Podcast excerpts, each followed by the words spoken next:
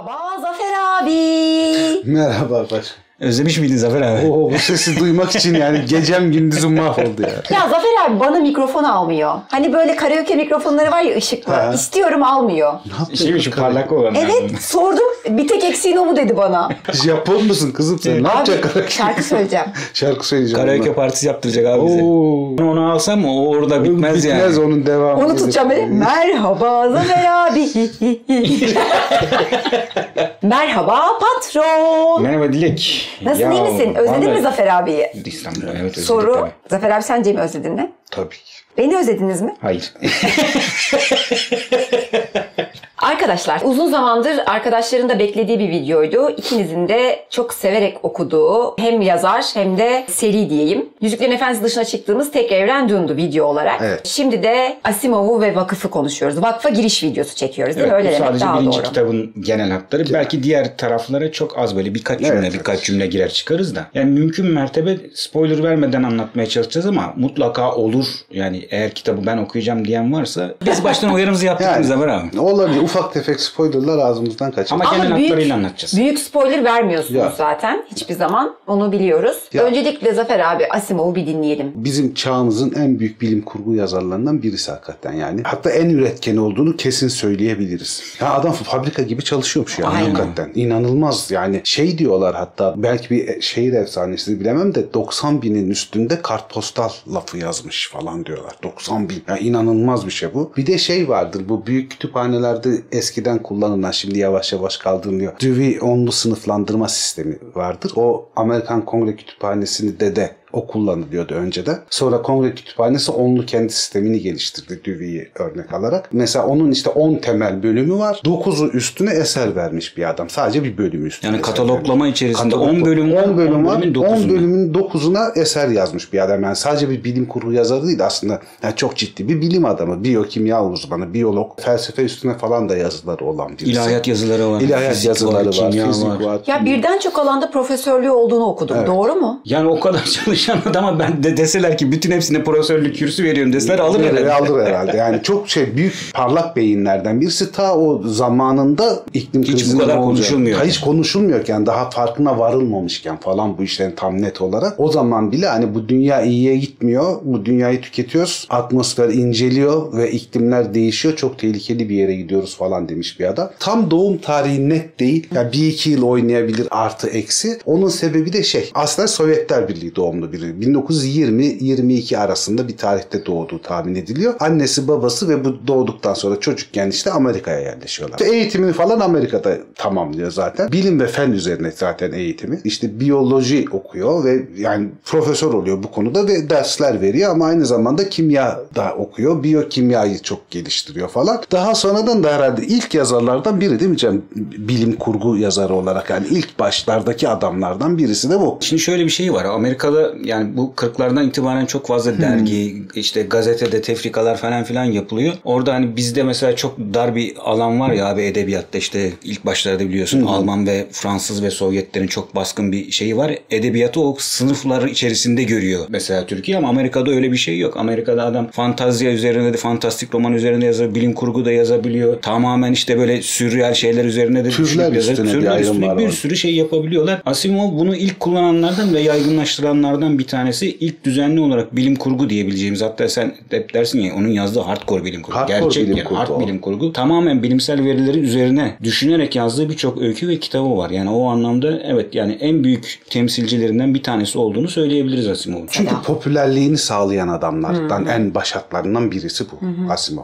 Bir de fütürist bir adam yani Evet. gelecek görüşü var yani alet edevat malzeme falan nereye evrilir nereye gider neler olabilir daha sonra hani neyin bulunmasıyla neye dönüşür falan hikayeleri Asimov'da bayağı vardır ve çok başarılı bir şekilde tahminleri vardır yani. Bir de şahsına münasır bir adam Çok ya. garip bir adam. Ben röportajlarına baktım da Ümit Gurbunav'ın kanalında çevirisini yaptığı çevirisini bir röportajı vardı. Robotların geleceği üzerine diye bir, Hmm. bir video. Çok şahsına münasır bir adam. Yani tavır olarak da tip olarak da. Tabii. Unutmuyorsun. Kahkülleri efsane. Aynen, Hiç evet. bitmez. O kahkül gençliğinden beri şey Aynen. vardır. Tabii öyle geniş kahkül. Prusya kahkülü denir onlara. Bir de şey böyle şişe dibi gözlük. Şişe dibi gözlük. Okuma okumaktan feri sönmüş gözleri. Akademik yaşamdan geçimini sağlıyor anladığım kadarıyla. Yani ilk Çok uzunca bir süre evet akademik yaşamdan Ama daha şey sonra yapıyor. kitaplardan bayağı para kazanıyor. Özellikle vakıftan ummadığı kadar büyük para kazanıyor. Ama ilk başta vakıf 9 bölüm halinde bir dergiye parça parça yazılmış. Bizim zamanımızda benim gençliğimde pehlivan tefrikaları vardı gazetelerde. Hmm. Onlar gibi. Hatta bizim Orhan Kemal yazarımız da mesela pehlivan tefrikalarıyla elektriğini falan ödeyebilmiş bir yazardır yani. ne zorluklar. Çok büyük zorluklarla yaşamış adamlardan biridir. Bukowski de öyle başlar zaten. Fanzinlerle başlar iş. Orada bayağı büyük bir piyasası var bu Evet, dergide abi. şeyin. Vakıfı 9 bölüm halinde o dergilerden birine yazıyor. Yıllar sonra şey diyorlar yani bu vakıf çok ciddi bir eser. Bunu kitaplaştıralım diyorlar. Ondan sonra kitaplaşıyor. Tabii o arada da bir ton bilim kurgu kitabı yazmış durumda. İlk yayınlanan kitabı vakıf mı o zaman? Yok yani. Yok ondan evvel kitapları var. kitapları var da. Ama büyük serisi vakıf. Çünkü vakıf evreni biraz şey gibi. Asimov'un diğer kitaplarının da aslında geçtiği evren gibi böyle dokunmaları var. Bütün yazdığı kitaplar neredeyse bilim kurgu alanındaki bütün kitapları bu vakıf evreniyle alakalı göndermeleri olan, onlarla bağlantıları olan, küçük küçük anıştırmaları olan bir yer. O yüzden vakıf onun temel eseri. Değişik bir adam değil Çalışmaktan başka bir şey bilmiyor anladığım kadarıyla. Hatta O, şey var. hobisini görmedim mesela. Satranç oynamayı sever falan. Hiç öyle bir şeyi görmedim. Ya bir şey var abi 80'le 85'te arkadaşlar YouTube'da çok rahatlıkla bulabilir yani. 80'de işte Late Show bilmem kimle çıkıyor. Adam diyor ki ya diyor 320 kitabınız basılmış bugüne kadar. Nasıl yapıyorsunuz ya. bunu diyor. Diyor ki ya ben diyor bir rutinim var diyor. Sabah kalkıyorum işte duşunu alıyor falan filan. Oturuyormuş abi işte saat 7-8 gibi yazmaya. Akşam 10 oluyor diyor yatıyorum diyor. Sonra dedim ki ya bu rutin ne kadar devam ettiriyor? 85'te bir röportajı daha var. Yine No. Bu sefer git, gittiğinde diyor ki işte 400 kesin mi? Ya ilkinde 200 iken ikinci- ikincisinde 300 kitap. Ya 5 senede 100 tane kitap falan yazmış gibi bir istatistik çıkıyor ortaya. Adamın diyor ki ne yapıyorsunuz? Benim diyor başka anladığım bir şey yok. Benim tek yaptığım şey bu. Hayatı öyle adamın. Abi ya bu yani çekilebilecek iş değil de bir tarafında da diyor ki neler üzerine yazıyorsun? Aklıma ne geliyorsa onun üzerine yazarım ben diyor adam. Şöyle söylüyor. Bilimsel çalışmalarda insanı en çok heyecanlandıran şey buldum buldum cümlesi değil. Allah Allah burada çok saçma bir şey var cümlesidir.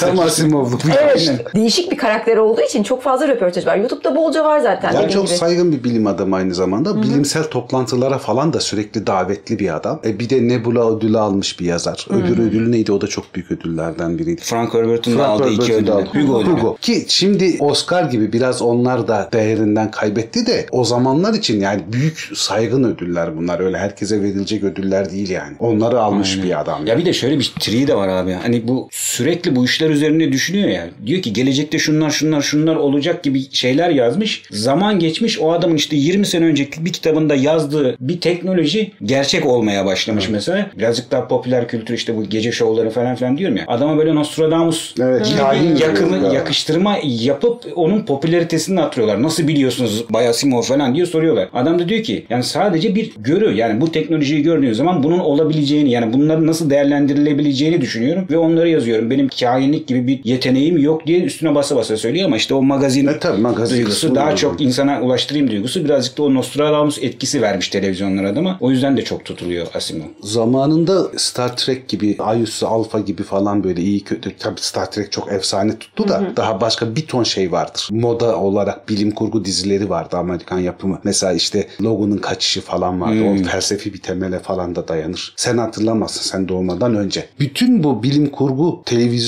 dizilerine ya da Star Trek gibi dev oluşumlara bile Asimov'un fikirsel katkısı vardır. Direkt kendisi danışman olarak değil de onun yazdıklarından Evet. etkilenerek düzenlemeler yapılmıştır falan. Hani böyle yaptıklarıyla da çok fazla şey belirleyebilmiş bir yazar. Gerek tabirler var. Tabii, Hatta tabii yani. Mesela bak buraya not etmiştim. Brett Spiner oynuyor. Star Trek The Next Generation Picard'ın Evet. kaptan olduğu yerde. Orada Data'yı oynayan kişi mesela. Yapay zekaya sahip bir androiddir Data. Data'nın beyni için pozitronik beyin tarifi kullanılır. Pozitronik beyin kavramını ilk bulan da Asimov. Mesela şey Galaktik İmparatorluk. İlk vakıfta kullanıyor mesela bunu. O kavramda nereden hatırlıyoruz Galaktik Star İmparatorluğu? Wars'tan Star hatırlıyoruz. Wars. Yani Star Wars'da galaktik bir imparatorluk vardır. Zaten daha açar açmaz kitabı bir galaktik imparatorluktan bahseder. Oradan alınmıştır yani bu fikirlerin hepsi. Bu galaktik imparatorluk fikri daha sonra da hani işte Star Wars'ta falan kullanılıyor. Onların hepsinin temeli Roma İmparatorluğu'dur. Yani aslında nasıl şey diyebiliriz diyebiliriz değil mi aslında abi? Yani Tolkien fantastik edebiyatın nasıl ki belli temel taşlarını koyup onun üzerinden nasıl eser üretebileceğini gösterdiyse Asimov da bayağı bir yerlere hani bunları düşünüp yapabilirsiniz diye kapılar açmış bir adam. Evet, evet. E tabii bilim kurgu, teknoloji ve bilim geliştikçe üzerine söylenebilecek şeyler gelişiyor ama o kendi çağında aslında çok kısıtlı bir teknoloji içerisindeyken düşündükleri ve yazdıklarıyla bambaşka yerlere götürmüş diğer yazarları ve işte sinema sektörüne bayağı bir şey yapmış. Ha Yani şeyi bile yapmış. etkilemiştir. Alien filminin birincisindeki robot adam hikayesini falan. Robot Ha, Alien'da. tık tık tık Evet, şey evet, yapar. evet, evet. Yani Android oradaki fikri. mesela seri hareket Android fikri falan ondan çıkma. Tamam biraz Philip K. Dick'ten de çıkma ama aslen Asimov'un temellendirdiği bir şey. Vakıfla ilgili internette böyle forumlarda baktığımda şöyle bir izlenim elde ettim. Ben hiç bilim kurgu okumazdım ama vakıfı çok seviyorum. Ben hiç bilim kurgu okumazdım ama vakıf algımı çok açtı. İyi ki 10 yaşında vakıfla tanıştım gibi ifadeler çok fazlaydı. O arada söylediğin o ayraç çok önemli. 10 yaşında okunabilecek bir kitaptır. Evet. O basitliktedir. Yani kendi içinde fikirler çok güçlüdür ama edebi anlamda öyle çok derin bir kitap olduğunu söyleyemeyiz. Çok güçlü kitap olduğunu söyleyemeyiz. Ama bütünlük içerisinde hikayelerin devamı anlamında fikirleri ortaya koyma becerisi Asimov'da çok üst düzeydir. Tabii zeki bir çocuk rahatlıkla anlar. Birazcık daha ileri yaşları ilerledikçe alttaki başka katmanları Başka da- katmanları anlar. da Yani görür. bir profesör de okuyup keyif alabilir, bir ortaokul öğrencisi de okuyup keyif alabilir. Yani, Yani herkes sanat için kendince. değil aslında bu kitabı yazması. Zaten adamın. Asimov'da deha fikirler üstüne. Aslında iyi bir edebiyatçı değildir. Yani edebi yönü çok kuvvetli bir Evet. adam değildir Asimov. Hani mesela Tolkien'deki o muhteşem anlatımlar Evet. falan bulunmaz. Ama o kadar zekice fikirlerle örer ki hikayesini. O fikirlerle zaten edebiyatı çok umursamadan okursun Asimov'u. Çünkü yani hakikaten şaşırtır insan yani. Bu böyle, şu şöyle, bu da böyle falan diye. Çok zekice yazılmış kitaplar Asimov'un kitapları ve çok belirleyici. Yani şeyi düşünmek çok önemli. Mesela şu anda çok kolay geliyor biz hani artık bu çağa için. geldiğimiz için bildiğimiz için ama ha, bir robot neyi yapmalı, neyi yapmamalı? Bir robot nereye önemli kadar şey. mükemmel olmalı, nereye kadar kusurlu olmalı? Kusurlu ve çok güçlü bir robot nelere mal olabilir? Ve buradan da direkt olarak hani anıştırma olarak düşünsünler. Tanrı insanı yaratır. İnsan nereye kadar Tanrı'nın karşısında durabilir? Nereye kadar isyankardır? Tanrı nereye kadar müsaade eder gibi. Çünkü robotların da yaratıcısı İnsan. insan olduğuna göre insanlar robotların bir şekilde tırnak içinde tanrısı olarak kabul edilirse böyle bir anakronizm de yapılabilir. Yani çok böyle güçlü tasavvufi temelleri de olan aynı zamanda çok güçlü bilimsel nedenlere de sahip şeyler üstüne kafa yormuş ve başarılı bir şekilde kafa yormuş bir adam. Zafer abi söylediği gibi yani düşünsel ve felsefi anlamda arka planda çalıştırdığı çok fazla şey var ama yazınsal anlamda bunu mümkün mertebe en basit Herkes okusun istemiş. Herkes Belki de edebi olarak da çok yetenekliydi ama herkes okusun istediği hissedilir yazdıklarında. Yani öyle alengirli işlere girmez. Yani herkes anlasın, okudukları anlaşılsın ister yani. Sen her konuyla ilgili yazıyor demiştin ya. Bir kitap gördüm. Asimov's Guide to Shakespeare. Çok bilinmeyen bir eseriymiş. 1200 sayfa. Bu kitapta Shakespeare'in tüm oyunlarını tarihsel ve dramatürjik açıdan incelemiş. yapmıştır. Çok şaşırdım mesela. Ya şey İncil üzerine beklemiyordum. de kitabı var mesela. Kendisi bir ateist ama İncil'de ne anladığına dair böyle tek tek işte bütün o İncil'de ne söyleniyorsa işte bizdeki karşılığı olarak ayet diyelim. Her ayette ne anladığını, her sözde ne demek istediğine dair fikirler yazmış. Bayağı da bir kilise tarafından bir şey de aslında bir rekabet de var. Hep tuş etmeye çalışıyorlar. Daha sonra bize de ihraç ettiler bu fikri. Bizde de çok yapılıyor ya böyle işte evrim karşıtlığıdır işte karşındaki adam eğer ateistse bir şekilde argümanla tuş etme çabaları falan. Çok tatlı atışmaları vardır. Kolay kolay da tuş da edilmez ama tuş etmeye de çalışmaz. Olmaz. Yani öyle bir düşmanlığı O da yoktur. devrin ruhunda var. Mesela bir film vardır hatırlarsın. Adam balıkçıdır. Teknesi fırtınada batar. Tazminat ister ama Tanrı'dan. Hatırlamıyorum. Bayağı büyük mahkemeler falan olur. Mahkemeler uzar. hatırlamıyorum. Vatikan'ı mahkemeye verir. Tanrı'yı siz ta- temsil ediyorsunuz diye. Tanrı benim gelinimi getirdi. Tazminatını alacaksınız. Din temelleri tehlikeye falan girince Vatikan tazminat ödemek ister. O da der ki hayır ben Tanrı'dan istiyorum der bu sefer. yani o, o yani zamanın ruhunda böyle şeyler Abi var hemen yani. basacaksın aforozu kurtarırsın. Sen bizden değilsin git başka yerden al diye. Mahkemeyi kazanır tazminatını alır daha sonra yani. Ve dinsel temellere dayalı birkaç Amerikan yasasını değiştirilmesine neden olur. Gerçek hikayeydi. Gerçek yani. hikaye. Abi müthişmiş. İlk başta tazminat davası davası açacağım der, der ki kime açacaksın yani? Fırtına olmuş batmış yani ne yapacaksın? Tanrı'yı açacağım. Tanrı batırdı benim teknemi diye. Evet şimdi vakfa girelim. Ya ilk önce şeyi anlatalım. Yani vakıf nasıl bir yerde geçiyor? Tolkien'de Orta Dünya denen bizim bilmediğimiz bir dünyada geçiyor. İlk başta İlk hikayeler. başta öyle. Daha sonra bizim dünyamız Evet sonra olarak bizim tarif dünyaya eklemleniyor. Bu vakıf bizim Samanyolu galaksisinde geçiyor. Yani gene gerçek mekanda Gerçek geçiyor. mekanda. Şu an içinde bulunduğumuz galakside geçiyor. Toplam 25 milyon tane gezegen var. Yani içinde yaşam olan. 500 katrilyon civarı bir nüfus var bütün galaksinin içinde. Bir galaktik imparatorlukla yönetiliyor bu bütün galaksi. Hiperuzay işte bu Star Trek'te görürüz, Star Wars'da görürüz. Böyle hiperuzaya çıkalım falan filan derler. Bir lastik gibi uzar Aynen. yıldızlar tak diye böyle yok olup gider. Öyle bir yolculuk teknolojileri var. Burada çok ilginç bir şey var. Asimov'un vakıf evreninde hiç bilinen insan dışında bir gelişkin zeka sahibi canlı yok. Yok. O 25 milyon gezegende insan yaşıyor. Sadece yani. insanlar var. Star Wars'da işte beş kollu bir akıllı yaratık Garip işte yüzlü yaratıklar falan. işte Chewbacca gibi tipler falan filan yok. Dünya artık unutulmuş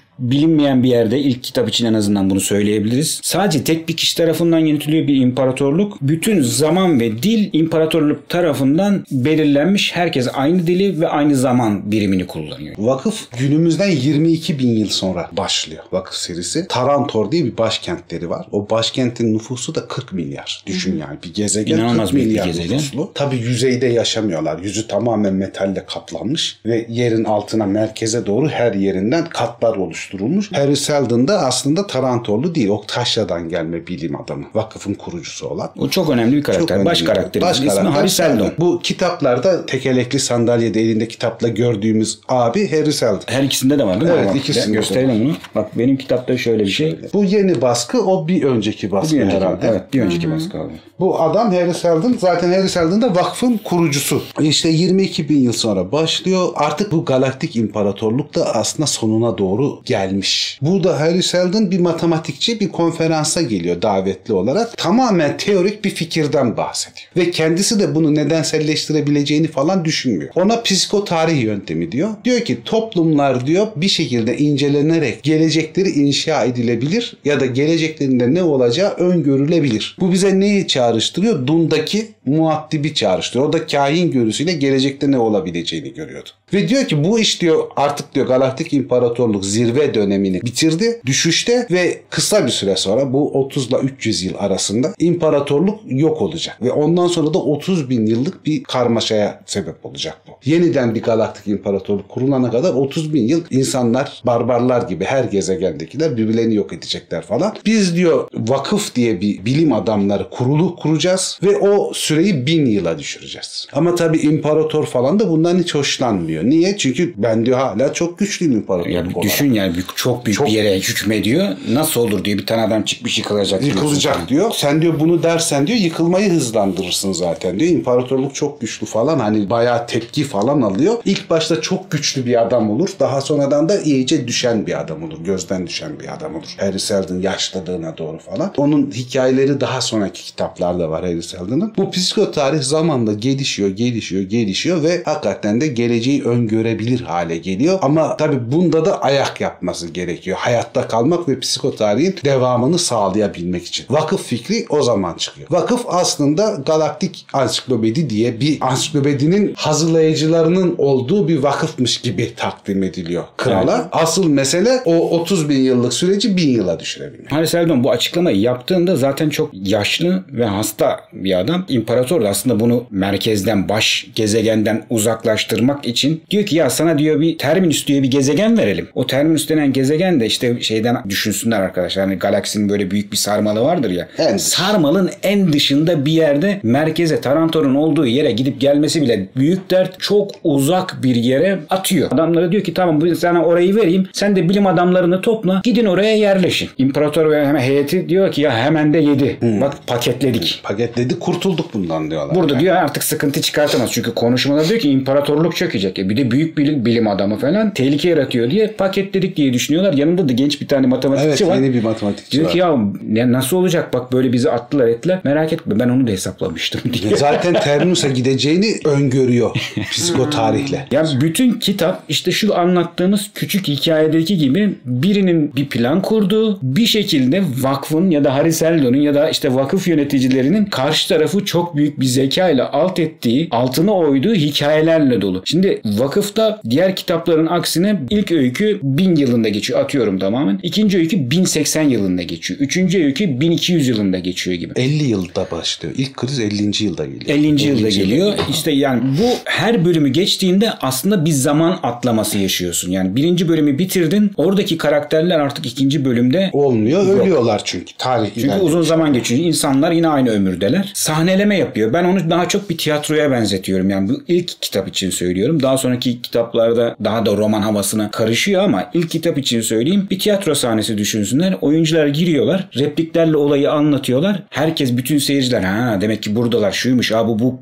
kimmiş bu kimmiş anlıyorlar. Fikri çözüyorlar ve ilk oyuncu sahneden ayrılıyor. Yeni oyuncular geliyor gibi düşün. İlk kitapta birazcık da böyle çok Amerikan vari böyle karakterleri var. Çok şeyler, artistler. Hepsi böyle kovboy gibi tipler. Prolar, viskiler. Bir masanın çok etrafında birleşmeler. kitaplarda. hep. O zaman muhtemelen sigara karşıtlığı yok tabii o, O zaman. kadar Tabii yoktur. yani yoktur. Vakıftakilerin hemen hepsi pro müptelası. Hatta işte iyi pro nereden gelir bilmem ne falan muhabbetleri var. Procu onlar. Yani. Aynen. Çok böyle hani üst tabakalar keyifçiler. Evet keyifçiler. Ama çok da zeki adamlar. Aynı benim gibi yani.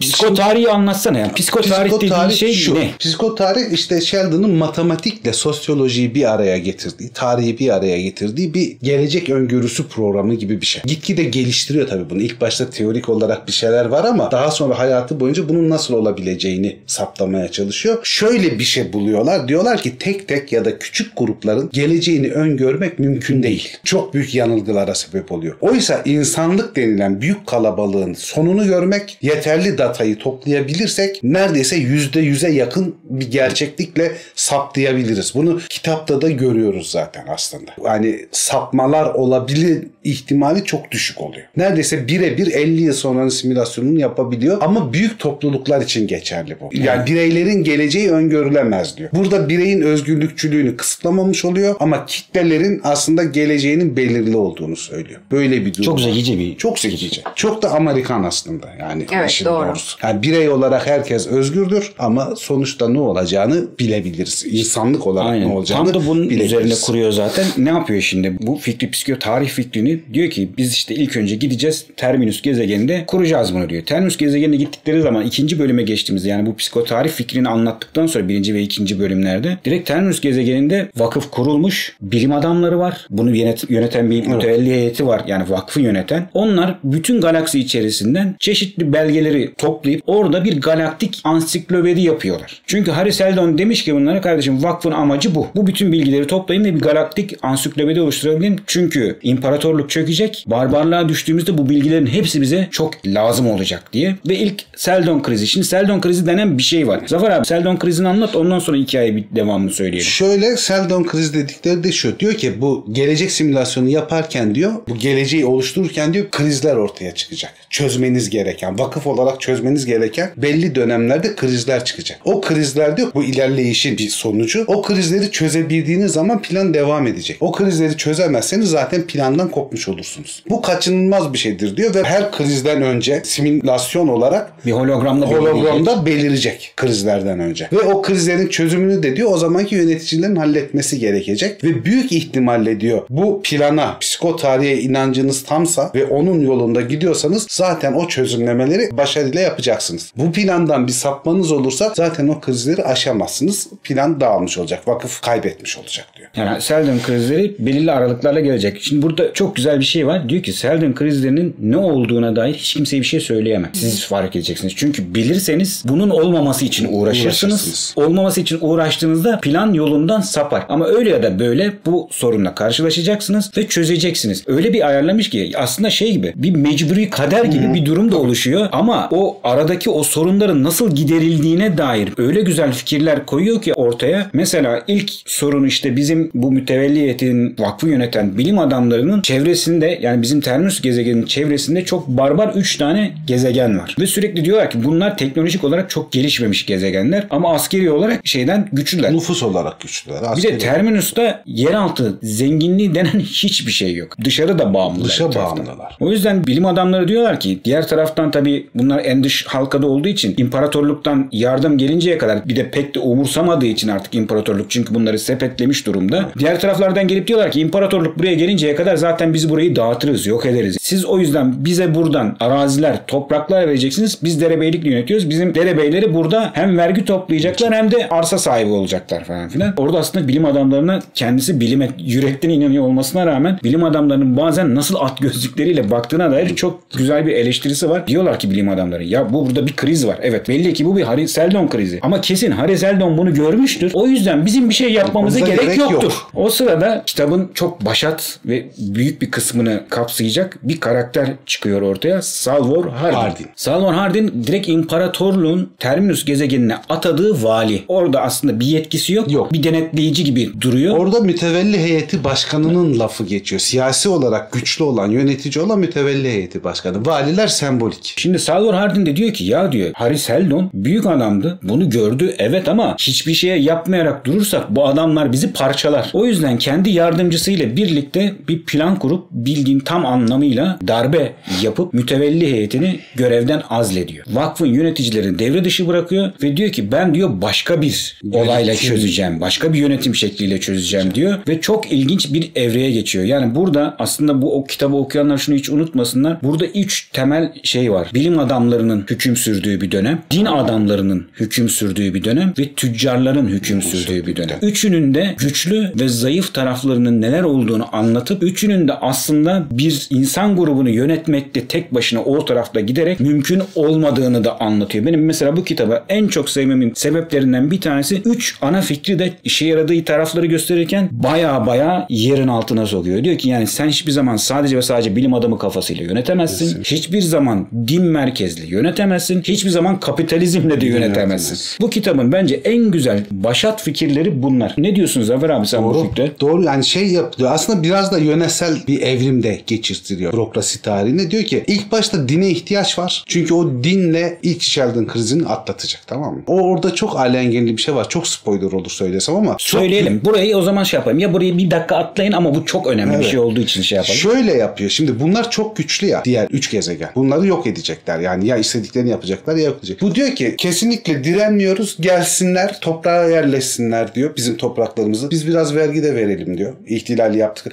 Ve şey ihtilali de tam Sheldon'ın simülasyonunun göründüğü gün gerçekleştiriyor. Ve artık tek başına iktidar oluyor. Bırakın gelsinler diyor. Bir halkta huzursuzluk falan da oluyor diyor ki yani bu adamlar ne derse kabul ediyor. Yani Salvor Hardin şey gibi o gözüküyor dışarıdan Dışarı. bakınca. Ya bu resmen yaltaklanıyor. Yaltaklanıyor. Korkağın teki gibi gözüküyor. Bunlarda nükleer üretim var bilim adamları Terminus'ta, Terminus'ta, vakıfta. Hiçbirinde nükleer şey yok, güç yok diğer üç gezegende de. Çok kıyıda taşra gezegenleri bunlar. Biz diyor teknolojimizi de oraya vereceğiz diyor. Nükleer şeyi de öğreteceğiz onlara diyor. İyice kıyameti koparıyor. Tek savunma sistemimiz diyorlar nükleer güç zaten. Adamlara nükleer gücü de veriyoruz. İyice bizi yok ettireceksin yani. Tamam. Hayır diyor onları vereceğiz diyor. Ama diyor şey yapacağız. Onların diyanet işleri gibi bir şey kuruyor. bir dini meclis kuruyor ve o Harry Seldon dini gibi bir şey aslında. Ve o din adamları aslında hemen hepsi casus ve mühendis. O nükleer santralleri yönetenlerin hepsi Vakıfın vakıfın adamı. ve onlar da cemaat topluyorlar. Daha ilkel oldukları için bu dinsel inançlara falan da değer veriyor halkları, diğer gezegenleri. Cemaatleri de topluyorlar. Bütün işçiler, çiftçiler falan bunlara inanır hale geliyor. Tabii de yücesi Harry Seldon olmuş Tabii oluyor. Yüce Harry Uzayın ruhu. Kutsal, kutsal Harry Seldon. Tamamen uydurma. Bir tane bunlar çok büyük bir gemi ele geçiriyorlar. Aslında ele geçirmiyor. İmparatorluk gizliden bu barbar gezegenlere bir Terminus'un sahiplerinin bilim adamlarının yenemeyeceği özellikle bir gemi de hediye ediyor. Gemi tek başına bunları zaten istila edecek. Yani başka hiçbir şey yapmasına gerek yok. Salvor Hardin gemiyi alıyor onlardan tamir Tamir edip geri veriyor. Artık muhalefet falan delirmiş durumda yani. Yani İsyan çıkıyor. muhalefet geliyor Mecliste. odaya basıyor diyor ki ya Odaya- bırakacaksın. Bir git- Satıyorsun diyor yani sen bizi satıyorsun onlara diyor. Yani de adamlara diyor gemiyi dedi onarıp verdi. Bir de yani işte donanması Ha, donanmasını güçlendirdim bile adamların diyor. Diyor ki ben çözeceğim her şeyi sakin ol. Tabii bunun elinde şey var Lee diye bir şey var. Gizli polis teşkilatının adamı var. Çok ikisi birbirine müthiş güveniyor. Zaten darbeyi de onun sayesinde yapıyor. O adamın askeri polis gücüyle falan yıkılmadan durabiliyor ama artık iyice sallantıda duruyor. Ya bir seçim yapsalar gidecek zaten. Gidecek seçime kadar diyor krizi çözmemiz lazım. Yoksa seçimde gidiyoruz yani. Mesele şu ama. Bu gidiyor bir de komşu gezegene kendisine savaş edecek gezegene gidiyor. Direkt kendisi. Onların baba ölmüş. Ha, baba Çok ölmüş yeni küçük bir kral tane gelecek. Yeni kral var. O da küçücük çocuk. Amcası onu kukla gibi kullanıyor. Bu da onun taç törenine gidiyor. Artık yani bütün muhalefet delirmiş durumda. Bir de adamların ayağına gidiyor diye. Hikaye şu. Bütün merkezi yani nükleer sistemleri falan yöneticisi kendisi adamlar olduğu için imparator Salvar kendisiyle- Hardin diğer gezegendeyken Ge- diyor ki saldıracağız Saldıracağız. Ee, Terminus'a vakfı vakfa tamamen ele yok geçireceğiz. edeceğiz. Bütün topraklarını alacağız. ve teknolojiyi de almış Teknoloji olacak. alacak. Öyle bir uyanıklık yapmaya çalışıyor. Ama o sırada da Salvar Hardin bütün mevzusunu ortaya çıkartıyor. O... Plan şuymuş. Söyle abi. Din adamları nükleer enerjinin başında oldukları için greve gidiyorlar. Onlar greve gittiği için bütün enerji kaynakları duruyor gezegenlerde. Hiçbir Her şeyi karanlık. hareket ettiremez. hiçbir şekilde iletişim kuramaz hale geliyorlar. Isı kaynakları hızla yok oluyor. Çünkü onları nükleer enerjiye alıştırmış. Artık onlar eski şekilde yaşamıyorlar. Hani sobalar kalkmış artık doğal gaz var. Şimdi doğal gazları durdurunca millet soğuktan donmaya başlıyor. İletişim kesiliyor. İletişim bütün kesiliyor. enerji bütün enerji Bütün kesiliyor. enerjiyi kesiyorlar. Çünkü din adamları kendi cemaatlerine diyorlar ki Harry Seldon gibi saldırıyorlar o yüzden oluyor. yüksek bir ruha kutsal birisine saldırı yapıyor. Büyük günah işleniyor. Bu günaha engel olmayacak mısınız? Bir de elektrikler enerjiyi kesince Elektrik- millet de lan nasıl ne Hariseldon'a mı Harry saldırıyorlar? Seldon'a Büyük saldırıyor, ruha vakfı falan. verecekler. Büyük günah, kafirlik bu falan diye kralın taç şeyini, sarayını halk çepeçevre sarıyor. İsyan Ama başlıyor. isyan başlatıyorlar ve tabii şey Donanma gemisini de söyle abi. Ha donanma gemisini de biz saldıracağız tamam mı? İletişim var. O da diyor ki vallahi diyor iletişim yok. Donanma gemisine geri dön emri veremezsiniz ben izin vermeden. E oraya saldırsa da siz bu gezegende yaşayamazsınız. Siz Ama bilirsiniz. Şey de çok güzel. İçeride de gemiyi yöneten bütün adamlar da vakfın adamları. Vakfın adamı. Tak diye çeviriyor. Yani Sa- aslında sadece vakfın- komutan hariç hepsi vakfın adamı gemidekileri. tak diye gemi kendi tepelerinde belirip diyor ki evet diyor şimdi diyor gezegeni teslim alabilirim. Ve böylece vakıf çevresindeki en büyük düşman gezegeni istila etmiş oluyor. En büyük düşman gezegeni istila edince eline büyük güç geçmiş oluyor ve diğer iki çevresindeki o daha nispeten güçsüz gezegenler üzerinde bir söz sahibi ya da güç sahibi olmuş oluyor ve ikinci Hariseldon krizi bu şekilde çözüyor ve orada çok güzel şey diyor. Yani vakfın tarihinde Salvor Hardin altın harflerle kendini yazdırmıştır. Bir de çok güzel bir şey vardır kitapta. Galaktik Ansiklopediden notlar vardır her bölümün başında. evet. Sana karakterlerle ilgili bilgiler verir. Oraları hiç söylemiyorum ama çok güzel geçişler vardır. Orada çok büyük kendi içinde spoilerlar vardır. Karakterler vardır. Kim kimdir falan diye anlatır. Yani bu birinci kitapta ve sonrasında da tüccarlar bölümüne geçer. Orayı da hemen hızlıca anlatalım mı abi? Anlat abi. Şimdi tüccarlar şöyle bir şey. Yani bu din o kadar çok yaygınlaşıp üst noktaya geliyor ki çevresinde de büyük gezegenler üzerinde de çok büyük güç sahibi oluyor. Ama gelişime açık olmadığı için bir şekilde dinin kendi içinde saklama özelliği olduğu için güç yavaş yavaş ve zaman da geçtiği için o eski şeyler hurafe gibi gelmeye başlıyor insanlara. Üçüncü bölümde bu tüccarlar bölümüne geçtiğinde şey diyorlar yani Haris Heldon diye biri varmış. Nenelerimiz anlatırdı. Unutulmaya başlanıyor hikaye. Yani artık o bambaşka bir şeye dönüşmüş bir masal gibi anlatılır olmuş. Haliyle vakıf bundan dolayı eski gücünü kullanamıyor. O din adamları dönemindeki gücünü kullanamadığından şeyler belirmiş. O tüccarlar. Tüccarlar ne yapıyorlar? Mal götürüyorlar satıyorlar. Karşılığı işte alıyorlar. Çünkü Terminus'ta yeraltı zenginliği yok. Gidiyorlar mal alıyorlar. Karşılığında sahip oldukları teknolojinin ucunu gösterip diyorlar ki size bunları veririz. Siz de bize bunları verin. Ve daha sonra etrafında o ki oraları şimdi burayı da ikinci bölüm gibi anlatmayalım. Oraları okusunlar. Orası da çok heyecanlı. Bu üçüncü bölümde tüccarlar artık bir önceki bölümde din adamları ne iş yapıyorsa aynı işi yapmaya başlıyorlar. Gidiyorlar oradaki insanlara diyorlar ki işte mesela sana demiri altına çeviren teknoloji veriyorum diyor. Karşılığında işte şu kadar şey alıyorum diyor. Sürekli böyle gidip gelmelerde yine aynen vakıf yine tehlikeye giriyor. Diğer taraflardan yine baskılar görünce. Üçüncü kriz. Üçüncü kriz geliyor ve üçüncü krizi de yine tüccarlar sayesinde çözüyorlar. Orada da çok zekice bir iş var ama orayı artık. Yani orayı Bu anlat. kadar spoiler yeter. Aynen. Yani. Yani. kitabı aslında bu kadar anlatsak Evet, yeter, yeter. bence. Çok da güzel oldu. Okuma sırası denen meret var ya. Şimdi orada bir sıralama var. O sıralamanın içerisinde çok önerdikleri bir şey var. Diyorlar ki işte vakfın atıyorum işte dört kitabını oku okuyun. Sonra araya robot üçlemesi var. Var. Robot üçlemesini okuyun ondan sonra devam edin müthiş zevkli oluyor diye söylüyorlar. Onu zaten internetten bulabilirler. Neredeyse hemen hemen herkesin ortak fikri zaten o okuma sırasını çok rahat bulabilirler. Sizin okuma sırası fikriniz nedir? Yani yazıldığı kronolojiye sahip olarak. Yani basım tarihi. Basım Hani mesela tarihleri. Star Wars'da şey var ya yani ilk 3 filmi izliyorsun daha sonra onun öncesini İzliyorsun. çekiyor ya işte Lucas. Ya şimdi orada hani sıralama olarak işte 1 2 3 4 5 6'ya dönüştürüyor. Eski filmleri 4 5 6 diye tarif ediyor. Ama şimdi Asimov'un Vakıf serisini okuduğunda eğer daha öncesini anlattığı kitaplar var. Okursan büyük spoiler yiyorsun. Evet. Vakıfın tadı kaçıyor. O yüzden öyle okumayın ya. Bence okumasın. Evet. Bence kronolojik okusun. Yani yazılım tarihine okusunlar. göre okusunlar. Benim için de doğru okuma o yani. Robot kanunlarından, robot yasalarından bahsedelim mi? Aslında Zafer abi ilk konuya girerken orada çok az bahsetti ama robot kanunları denen kanunlar var. Temeli 3. Daha sonra bir tane ekleniyor. Evet. Sıfırıncı değil. değil mi? Sıfırıncı kanun. Birinci kural bir robot bir insana zarar vermez ve zarar görmesine seyirci kalmaz. Sıfırıncı kuralla çelişmediği Evet. sürece. İki emirlere uyar.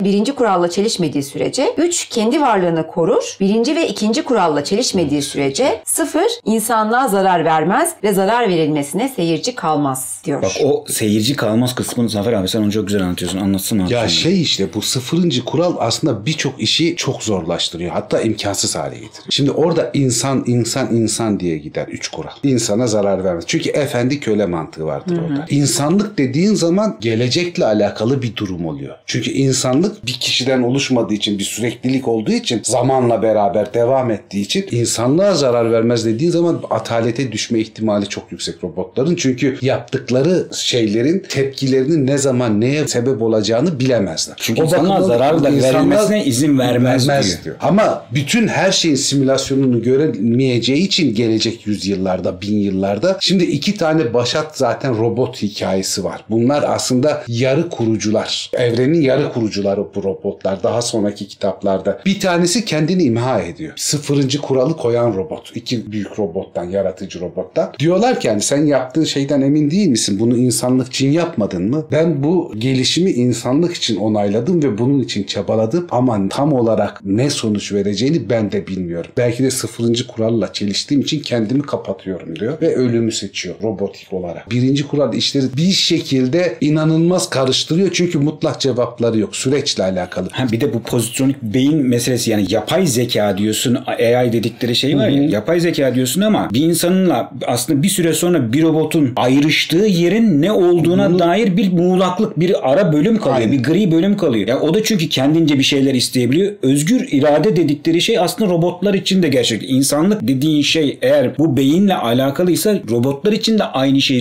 söylenebilir noktası çıktığında aslında aynı kurallar insanlar ve robotlar için de geçerli olmuş oluyor. Orada da bir muğlaklık var. Bu düşünce çok güzel bir şey lojik işi. Evet, evet, evet. Çok güzel değiştiriyor. Bundan çok malzeme çıktı zaten. Zaten bir ton şey çıktı. Banderas'ın oynadığı bir bilim kurgu filmi var. Robotun peşinden gidiyor. O bütün hikaye aslında Asimov'dan o. Aynı orada da robot kanunlarından bahsediyor. Oysa bir robot şey yapıyor. Kendi kararını veriyor. Kendi kararını veren robotu imha etmekle görevli bir birim var orada. Bu onun peşinden gidiyor. Onu yok etmek için ama o robot öyle bir seviyeye gelmiş ki artık duygusal bir yaratığa dönüşmüş. En büyük temsilcilerinden bir tanesi Blade Runner. Blade Runner tabii çok En büyük temsilcisi. Yani orada diyor yani biz neyiz o zaman? Biz neyiz? Aslında tamamen bu robot kanunlarıyla alakalı iliştirebilecek başka bir formata da dönüşüyor. Ya şey var ya işte orada robotta vicdanı görüyorsun. O sırada savaşıyorlar. Harrison Ford'u öldürecek ama artık kendi ölümü de gelmiş. Harrison Ford apartmandan aşağı atacakken Son saniye. son saniyede elini tutuyor ve ölmesine izin vermiyor. Vicdanlı bir canlıya dönüşmüş artık. Ya orada bile şey var yani bak bu adamın fikirlerinin orada bile yansımaları var. Bu şey Robin Williams'ın filmi neydi? Bir Sentinel Man.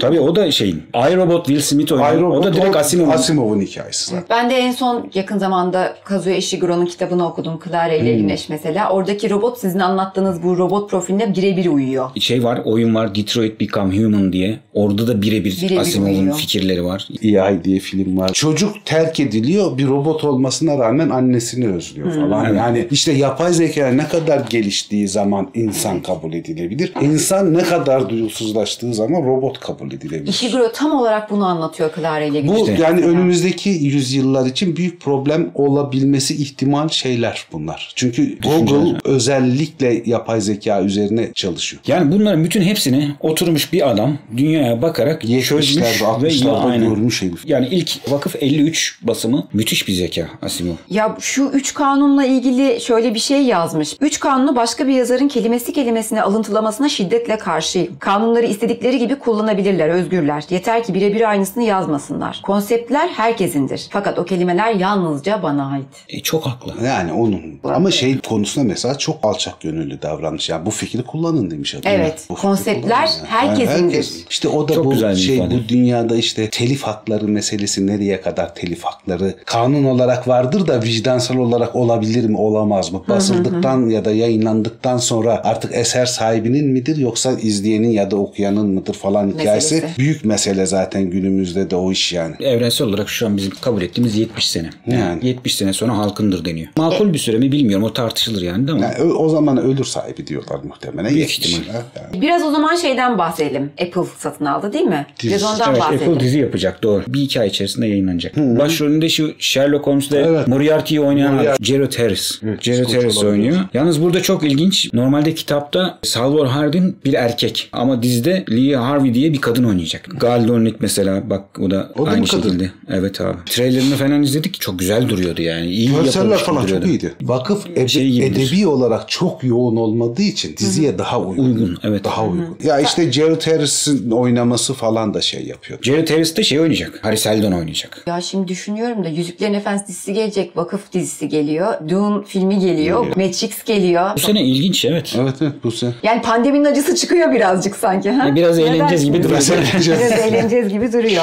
Dinle ilgili görüşlerinden de kısacık bahseder misiniz? Tanrı kavramı onun için nedir? Dine saygılı bir adam ama ateisttir. Dindarlarla bir mücadeleye girmez. Dindarların bununla mücadeleye girdiği kadar. Bilime inanır. Teknokrattır asla. Şey, Defalarca seyirci önünde köşeye sıkıştırıp bak işte ateistler nasıl da sıkıştı köşeye nasıl çelme taktık Her zaman da yırtar. Her Ya evet şunu yırtar. okuyayım. Kendisi yazıyor kendi sözleriyle. Proust tamamen hazırlıksız bir anımda pat diye Doktor Asimov siz Tanrı'ya inanıyor musunuz diye soru verdi. Bir anlığına nefesimin kesildiğini hissettim. Seyirci karşısında beni çok zor durumda bırakmıştı. Milyonlarca kişi izlerken gerçeği söylemek yani hayır demek hiç gereksiz bir yığın tartışmaya yol açacaktı. Öte yandan yalan da söyleyemezdim. Durumu toparlamak için biraz zaman kazanmaya çalıştım. O Doktor Asimov, Tanrı'ya inanıyor musunuz diye tekrar sordu. Ben de kimin Tanrısından söz ediyoruz diye cevap verdim. Bunun üzerine biraz da sabırsızlanarak yapmayın Doktor Asimov, kiminkinden bahsettiğimizi çok iyi biliyorsunuz. Batı dünyasının Yahudi Hristiyan geleneğinin Tanrısına inanıyor musunuz dedi. Bu konu üzerine fazla eğilmedim diyerek biraz daha zaman kazanmaya çalıştım. Bunun üzerine Frost işte buna inanmam Doktor Asimov dedi. Ardından da beni iyice köşeye sıkıştıracak şu sözleri söyledi. Elbette sizin gibi son derece aydın, bilgili ve ilgi alanları geniş bir alim şimdiye kadar Tanrı'yı da bulmaya çalışmış olmalı. Bak, değil bak. mi? Evreka. İşte buydu. Köşeye sıkıştırmak isterken kendi eliyle bana kaçış yolu açmıştı. Keyifle gülümseyerek nasıl olsa Tanrı benden çok daha zeki. Bırakalım da o beni bulsun dedim. Seyirci gülmekten kırılıp Frost da konuyu değiştirince ben de rahatlamış oldum.